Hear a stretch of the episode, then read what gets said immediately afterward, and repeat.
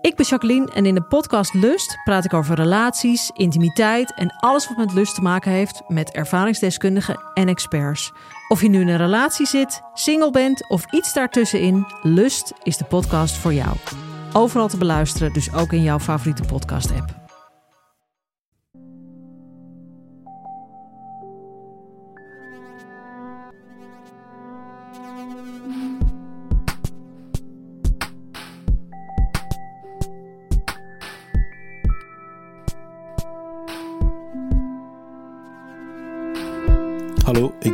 Van Relaas.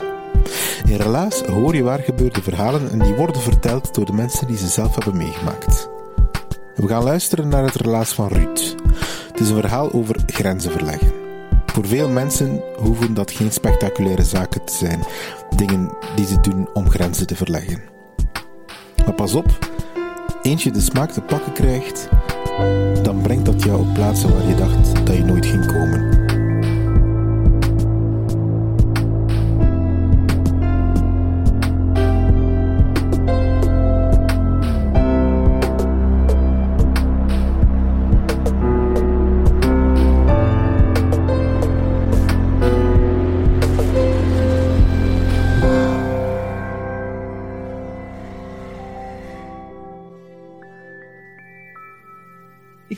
De keuken. Het was een zaterdag in oktober 2014. En het was al na de middag, dat weet ik, omdat mijn oudste zoon Joachim juist naar beneden kwam om te ontbijten. En terwijl hij zo zijn cornflakes neemt, zegt hij zo, ah, mama zeg, hoe is het met je schrijven? Je moet weten, schrijven was mijn hobby. Ik vond dat super tof. Ik, ja, ik genoot er echt van, van te schrijven. En eerlijk gezegd had ik daar ook al wel een, een klein beetje een succesje mee gehad. Ik had een prijs gewonnen. En sindsdien was dat eigenlijk heel slecht verlopen met dat schrijven. Want elke keer als ik iets schreef, dacht ik van nee, dat is zeker geen prijs waard. Dus ik schrapte meer dan dat ik schreef. En dat was zo frustrerend. Ja, ik, dat was echt stress. En in plaats van dat dat plezant was, nee, werd ik heel kwaad en ambetant van mijn eigen. Dus ik zeg, Joachim, dat is wel grappig dat je dat nu net vraagt aan mij, want eigenlijk heb ik nu besloten van te stoppen met schrijven. En Joachim zegt, maar alleen mama, dat snap ik niet. Jij doet dat zo graag. Allee, dat kan toch niet dat jij nu gaat stoppen, maar weet je wat uw probleem is? En als uw 18-jarige zoiets zegt, dan kun je beter even uw oren spitsen. Uw probleem, hè, mama, dat is dat jij veel te weinig beleeft. Jij blijft altijd in datzelfde cirkeltje van mensen en belevenissen en activiteiten. Ja, je moet er eens uitkomen, hè. Je moet je comfortzone uitbreiden. Doe eens iets dat je nog nooit hebt gedaan. Weet je wat? Wat de Mont Blanc beklimmen. En ik dacht, oh, dat is eigenlijk wel een keitof idee. Nee, die Mont Blanc, dat vond ik te hoog gegrepen. Hè? Maar ik dacht zo dat concept van, allez, je comfortzone uitbreiden, ik vond dat super tof. Dus ik zeg, ja, Joachim, maar mag dat dan ook een heuveltje zijn? Die was al lang niet meer aan het luisteren. Die zat op zijn iPad, uh, die zat in een andere wereld. Maar ja, ik dacht, ik kan dat, kan dat doen, hè. Ik kan zoiets iets zoeken, om, ja, zoiets dat ik nog nooit heb gedaan. Um, ja, ik ga op zoek naar een uitdagend heuveltje. En dat klinkt nu wel als het begin van een soft porno verhaal. dat gaat het niet worden. Sorry als ik u teleurstel. Maar goed, ik dacht, ik moet iets vinden. Dus ik op Facebook, hè, want we vinden alles, ik lanceer daar een oproep.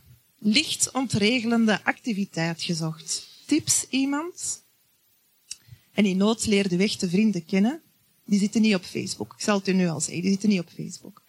Ik kreeg heel veel reactie, dat wel. Maar iedereen wou mij kei ver wegsturen, wou mij keihard toen afzien en wou mij ook op superhoge kosten jagen. Ja, wat waren zoal de, de suggesties?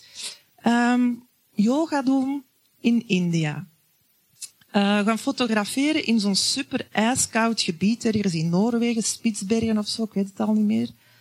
Uh, iemand stelde voor, ah, doe eens mee aan de Mud Masters Race. Ik ben dat wel gaan opzoeken. Dat is dus kei vuil worden, keihard afzien en het is nog duur ook. Dus, afijn, dat, dat het wel allemaal samen. Maar dan was er toch iemand en die zei van, ah, weet je waar, Ruud? Ga eens liften. Ja, dat klinkt nu kei belachelijk, hè. Ik was toen ook al ouder dan 40. Ik had nog nooit gelift. Ik geef dat ook. Ik had nog nooit gelift, want het was mijn overtuiging, als je als vrouw gaat liften, je eindigt gegarandeerd verkracht en vermoord in een greppel. Dat is zo. Maar, dat moet ik nu ook wel toegeven, ondertussen had ik toch al een paar vriendinnen, kende ik wel wat vrouwen, die hadden geliefd en die leefden nog. Dus ik wist, het is mogelijk. Maar ja, zo alleen gaan liften. Dus ik zei tegen die vriendin, ik doe dat als jij meegaat. Die vond dat geen probleem, die had al veel geliefd. Dus ja, we gingen dat doen. En ik heb mij er kei goed op voorbereid. De avond ervoor heb ik gezonde muffins gebakken. Dat is heel belangrijk, want als je gaat liften, dan staat er zo op plaatsen waar dat er geen winkeltjes in de buurt zijn meestal. En ik, als ik honger krijg, sorry, maar dan is de fun er wel af. Gezonde muffins, check. En dan hadden we ook zo gezegd, oké, naar waar willen we gaan? Ah ja, de zee.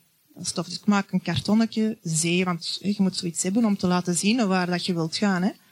Maar dan hadden we ook gezegd, ja, eigenlijk maakt het zo niet uit. Het mag ver zijn ook. Dus ik had ook een kartonnetje ver. En ik vond dat dan plezant om zo naast in te gaan staan. Met onze kartonnetjes. Dus wij staan daar op de oprit, daar aan de ring in Antwerpen. En, echt waar, nog geen vijf minuten of er stopt een auto met een redelijk jonge man. Een heel toffe man die ons meeneemt naar Gent. En we hadden een heel toffe babbel en ik heb die om te bedanken ook een muffin gegeven. Want ja, ik had dat toch dan precies niet zo direct nodig. We stappen uit in Gent en ja, dat vonden we dan nog iets te dichtbij, dus we wouden nog verder. Dus wij terugliften. Nog geen twee minuten en er stopte weer een auto. Echt. En deze keer was dat zo wel een oudere man. Maar een kei sympathieke man. Zo dat een klein schattig hondje op de achterbank liggen. En uh, die reed naar Diksmuiden, want er woonde zijn vriendin. Zelf was hem van Hasselt. En wij zitten in die auto en zeggen, ja, neem ons maar mee naar Diksmuiden, daar zijn we nog niet geweest. En die vertelt onderweg gewoon heel zijn levensverhaal aan ons. Totale vreemde wij, maar die begint te vertellen. En het was zo'n aangrijpend, meeslepend verhaal. En, op het einde zegt hij dan ook nog, ja, deze heb ik eigenlijk nog aan niemand verteld. Ja, wij kei ontroerd ook nog. Dus dat was echt een keischoon ervaring. En wij zijn dan in Diksmuiden aangekomen en we hebben er een hele toffe dag beleefd. We hebben er papegaaien gedronken dat is een bier. En uh, de dodengang bezocht in de, de toren. Allee, het, was, het was super tof. En dan s'avonds zijn we wel met een trein terug naar huis gekomen. Want liften in donker, dat is echt gevaarlijk. Maar ja, dat was dus kei tof. Ik dacht, ja, die comfortzone, laat maar komen. Hè. En ik ging zo nog op zoek naar van alles anders om te doen. En ik heb zo wat kleinere en wat grotere dingen gedaan. Um, ik ben onder andere wel yoga gestart, maar in Berchem. Dat is met de fiets iets gemakkelijker uh, te bereiken. En ik dacht, ja, als ik nu mijn lijf al wat leniger maak, wie weet wat doet dat met mijn hoofd, met mijn brein en mijn comfortzone. Dus ik dacht, dat is ook al een goede move. En dan heb ik, ja, ik had dus allerlei oproepen gedaan en ineens kreeg ik van een vriendin een, uh, een folderke toegemaild van een cursus die ging starten. Improvisatietheater. Ik dacht, ze had erbij gezegd, zeg Rut, is dat niks voor u? En ik van, het is totaal niks voor mij. En daarmee dat ik mij ingeschreven heb. Ja, ja, het ging over die kleine stretch die ik ging doen. Hè. Dus ik schrijf mij in voor de improvisatietraining. En dat was eigenlijk super plezant. Je moet je dat voorstellen, dat je zo, hè, die, trainingen, dat begint zo met opwarmingsoefeningen. En dat is zoals bij de scouts. Dat zijn hele leuke spelletjes en heel absurd en plezant. En allee, het is niet zo vies als bij de scouts. wordt er niet zo vuil van. Maar allee, toch fysiek. En um, ja, dat was ook een hele toffe groep waar ik in terecht ben gekomen. En uh, dat werd echt zo een vriendengroepje. En we noemden ons de Marcel. Waarbij die, toen ik mij inschreef, was er al één ding dat ik op voorhand had voorgenomen. Dat ga ik nooit doen. Jamais de ma vie dat ik dat ga doen. En dat was dat er op het einde van die trainingreeks een toonmoment kwam. Zo'n toonmoment inhoudt. Zo'n toonmoment is dat je op een podium gaat staan en voor een publiek gaat improviseren. Dat is de hel, hè. Dat is verschrikkelijk. Dat was dus niks voor mij, dus ik had al gedacht van nee, dat ga ik niet doen. Maar ja, hoe gaat dat dan? Je zit in zo'n groepje, je ziet zo hè, die impro samen te doen. En dat toonmoment komt eraan en, en, en die mensen, die, die vrienden ondertussen, die zeggen, maar allee Rut, je kunt ons toch niet in de steek laten. Wij hebben deze traject samen begonnen, we moeten dat samen afmaken. Allee, doe toch mee, dat gaat toch niet? En ik dacht, ja, eigenlijk hebben ze ook wel gelijk. Dus ja, ik mee, het podium op. Mijn ergste nachtmerrie, hè. Want dat was exact wat ik mij ervan had voorgesteld. Het begon eigenlijk al met de eerste oefening en dat heette heel toepasselijk de freeze. En iedereen van mijn groep die sprong op dat podium, die begonnen van alles te doen, te zeggen, te bewegen. Dat ging ik weet niet hoe vlot, die waren keigevat, die waren grappig. Heel publiek lachte en ik stond opzij en ik keek en ik dacht, die zijn keigoed. Die kunnen dat echt, die kunnen dat echt, die zijn die zijn goed en... Oh nee, nee, nee. Nee, ik, dat durf ik niet. Nee, ik, ik, nee, ik kon niet meer bewegen. En ik dacht van, oh nee, ik kan dat niet, ik durf dat niet. Ik, wat, moet ik doen? En dan, op een gegeven moment, moet er iemand mij toch een duw gegeven hebben. Want ik sta plots in het midden van dat podium, onder de spotlights. En zo voelde ik mij eigenlijk ook heel bespottelijk. Maar ik ben beginnen bewegen. Ik ben iets beginnen doen. En ja, dat, dat ging wel. Alleen op de deur, ik was wel was bezig. En toen op een bepaald moment, dat wil ik ook wel even vertellen, op een bepaald moment ben ik als een depressieve hond over het podium gekropen. Dat klinkt misschien wel een beetje raar nu, maar de scène had dat nodig. Hè? De scène had dat nodig. En terwijl ik zo kroop, hoorde ik de zaal lachen. Maar ja, ik keek naar de grond, dus ik kon niet zien met wat dat ze aan het lachen waren. Maar ik dacht dan wel, oh, dat is precies met mij dat ze aan het lachen zijn. Ze vinden dat precies wel grappig. Vond dat zelf helemaal niet, maar goed. Allee, dat gaf mij dan wel wat moed om verder te doen. En zelfs na dat optreden is er iemand tegen mij komen zeggen van... Zeg, dat van die depressieve hond, dat vond ik keigoed geacteerd. En ik dacht, ja, nee, nee, dat was niet geacteerd. Hè. Dat is gewoon letterlijk uitgebeeld hoe ik mij op die moment voelde. Ja. Maar het was een succes. En dat succes smaakte er meer. Ik dacht, ja, deze moet ik blijven doen, want het kan alleen maar beter worden. En ja, het moet toch zijn dat de roes van dat succes een beetje naar mijn hoofd is gestegen. Want het volgende dat ik toen heb gedaan, is mij ingeschreven voor een nieuwe reeks van De Mol.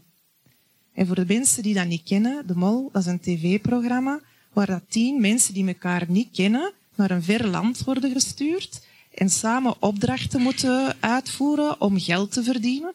Maar één van hen is een saboteur. Één van hen is de mol, die gaat tegenwerken. En het is de zaak om die mol te ontmaskeren. In elke aflevering vliegt er iemand uit het programma, degene die het minste weet over de mol. Dus ik vond dat mega grappig dat ik mijn eigen zou inschrijven voor de mol. Dat is gewoon de mop van de eeuw. En gewoon het inschrijven zelf was al een redelijke stretch voor mijn comfortzone. Dus ik schrijf mij in, dat was zo online op een website, een hele lange vragenlijst. En dan ook een filmpje moest je maken, waar dat je dan in zegt waarom dat je mee wilt doen. Hè. Dus ik zo een filmpje van, ja, ik ben uit mijn comfortzone aan het komen. Ik ben al naar de Xmuiden gelift. En, enfin, dacht, ja, wat moest ik anders zeggen? En uh, ik ben dat daarna ook aan al mijn vrienden gaan vertellen. Ik ben ook gaan zeggen van, zeg, weet je wat, aan niemand zeggen, hè. Maar ik heb mij ingeschreven voor de mol. En kreeg dan de reactie waar ik op hoopte, wauw, ga toch niet zeker? ja. Uh, dus ja, ik dacht, dat is, dat een goede mop, hè. En toen kwam de clue. Ik kreeg een, paar weken later een mail. En in die mail stond, dat was een mail van Woestijnvis. Ah, wij willen u uitnodigen voor een auditie. Oh, dat was een verrassing. Um, ja, ik dacht, ja, oké, dat is wel interessant. Dat is weer een nieuwe wereld. Zo is auditie doen, dat, dat, lijkt me wel eens boeiend. En ja, dat is zeker uit mijn comfortzone. Dat ken ik nog niet, dus ik zal dat wel doen.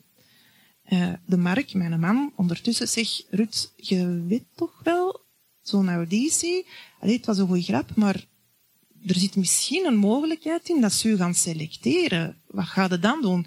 Zeg Mark, dat gaat niet gebeuren. Maar ja, als je A zegt, moet je B zeggen. Dus ah, eventueel zal ik dan wel meedoen. Maar ah. Goed, ik word uitgenodigd voor die auditie. Ik heb een gesprek met Kelly en uh, Gunther D., die van Studio Brussel. En uh, die vragen mij ook van, zeg, tegen wie heb je eigenlijk, wie weet er allemaal dat je u hebt ingeschreven? Ik zeg, ja, iedereen. Uh, ja, misschien uh, toch een beetje discreter zijn erover. Ik zeg ja, geen probleem. Ik doe een heel babbel. En als ik heel allee, zenuwachtig ben of heel enthousiast ben, begin ik redelijk te ratelen. Dat was toen ook niet anders. Dus op het einde van het gesprek heb ik in de hand geschud. Ik heb gezegd van, zeg, veel succes met jullie programma. Ga zeker kijken. Um, ik en huis. Twee weken later kreeg ik terug een mail. Um, wilde nog eens komen? ja, oké, ik zal dan maar gaan. Hè. Dat, allee, deze, deze grapje duurt nu wel lang, maar goed, ik, doe, ik blijf meedoen, ik blijf gaan. Tweede gesprek gehad. Oké. Uh, en toen gaven ze mee van, weet je waar, Ruud? Um, deze was nu het laatste gesprek.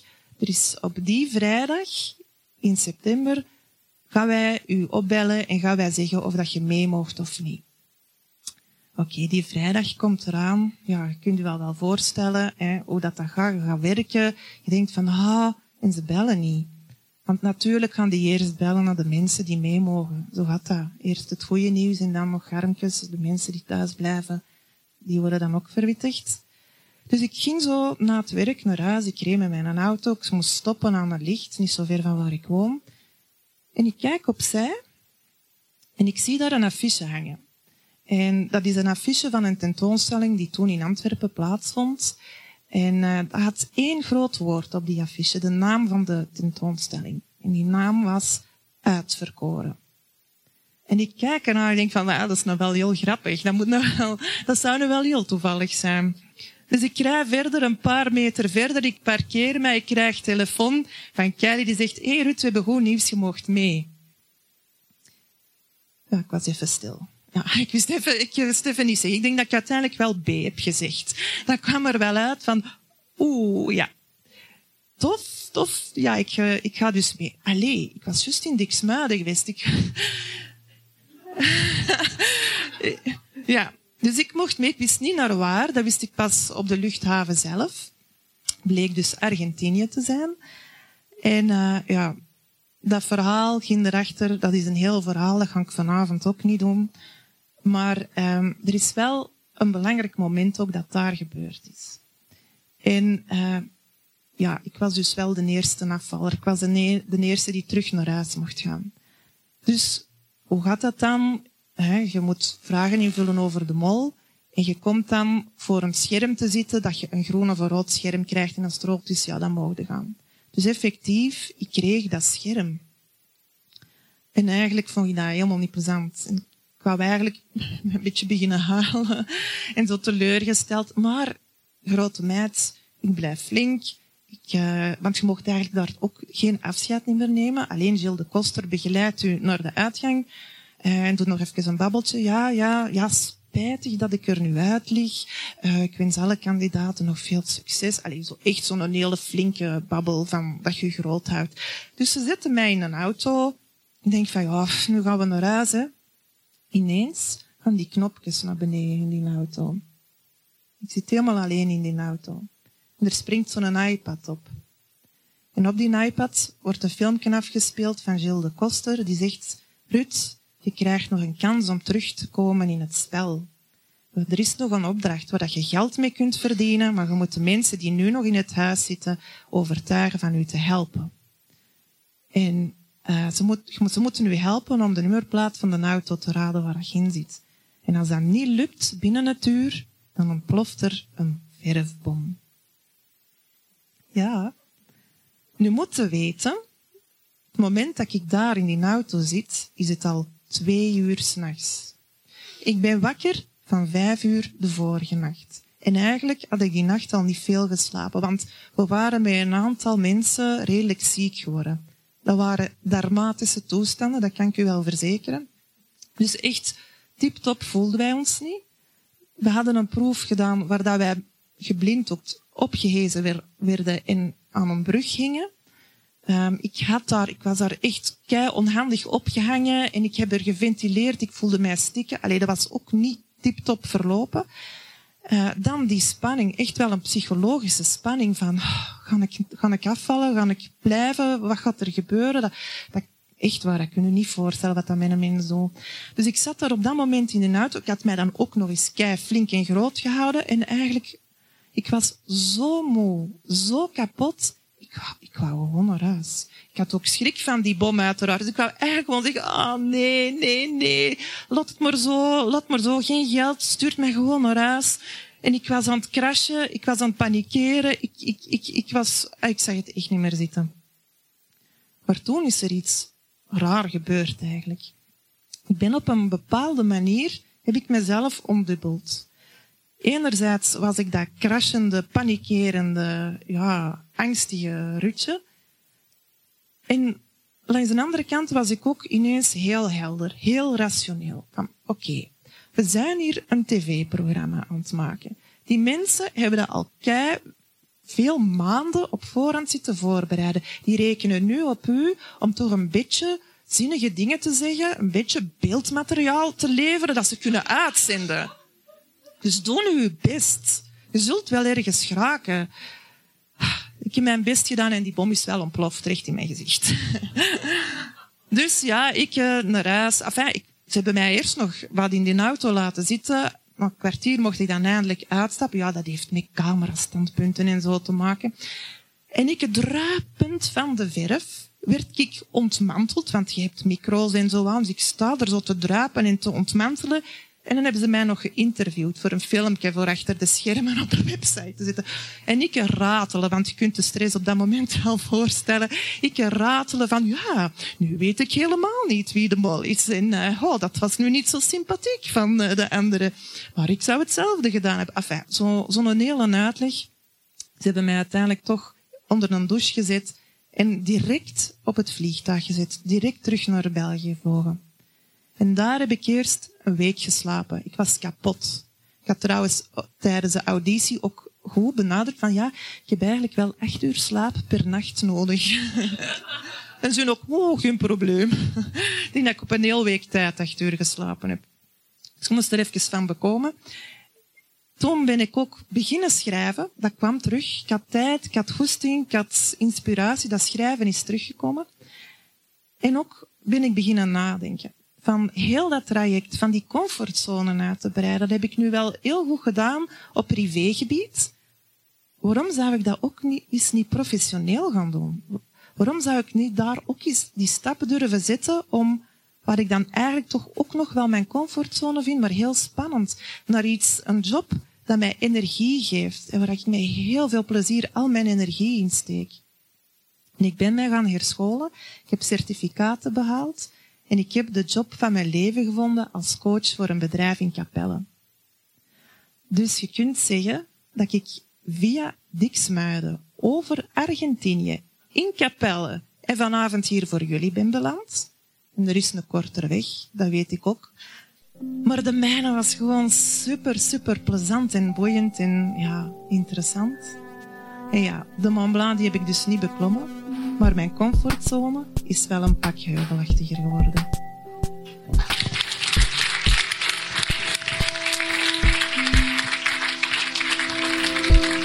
Dat was het relaas van Ruud. Ze vertelde het in Bolwerk in Antwerpen. Dit is een podcast natuurlijk, maar als je eens zou willen zien hoe dat moet zijn om letterlijk paf met verf een slag in je gezicht te krijgen en zo te beseffen, shit, nu ben ik echt wel buiten mijn comfortzone gegaan, dan moet je eens in Google Ruud uit de Mol intypen. En dan kom je terecht bij toch wel bijzondere filmpjes. Wij houden relaasavonden in Gent en in Antwerpen. Als je er graag zo eentje wil bijwonen, dan moet je maar eens gaan kijken op onze website. Die is nog altijd www.relaas.be. Wij bestaan dankzij de ondersteuning vanuit cultuur van de Vlaamse gemeenschap, jawel, en dankzij de dienstcultuur van de stad Gent. En dankzij jullie, de luisteraars van Relaas. Doe ons een pleziertje, stuur dit verhaal door naar iemand aan wie je moest denken toen je dit verhaal hoorde. En als je wil, dan kan je ons ook maandelijks een kleine donatie doen. Dat kan via onze Patreon-pagina die we daarvoor speciaal hebben opgezet. Op onze website vind je een Patreon-knop en daarmee kan je ons maandelijks 2 of 5 euro of eventueel meer storten. Op die manier word je relaas mecenas. En het zijn die mecenassen waarop we steunen om verder ons ding te kunnen blijven doen. Dankjewel. Dankjewel ook aan een hopzak, Husset, Urgent FM, Pulp Deluxe en Chase. En dankjewel aan jou. Vergeet niet, je hoeft niet per se die Mont Blanc op te gaan om iets te beleven. Soms is een tripje naar Dixmuiden al een microavontuur.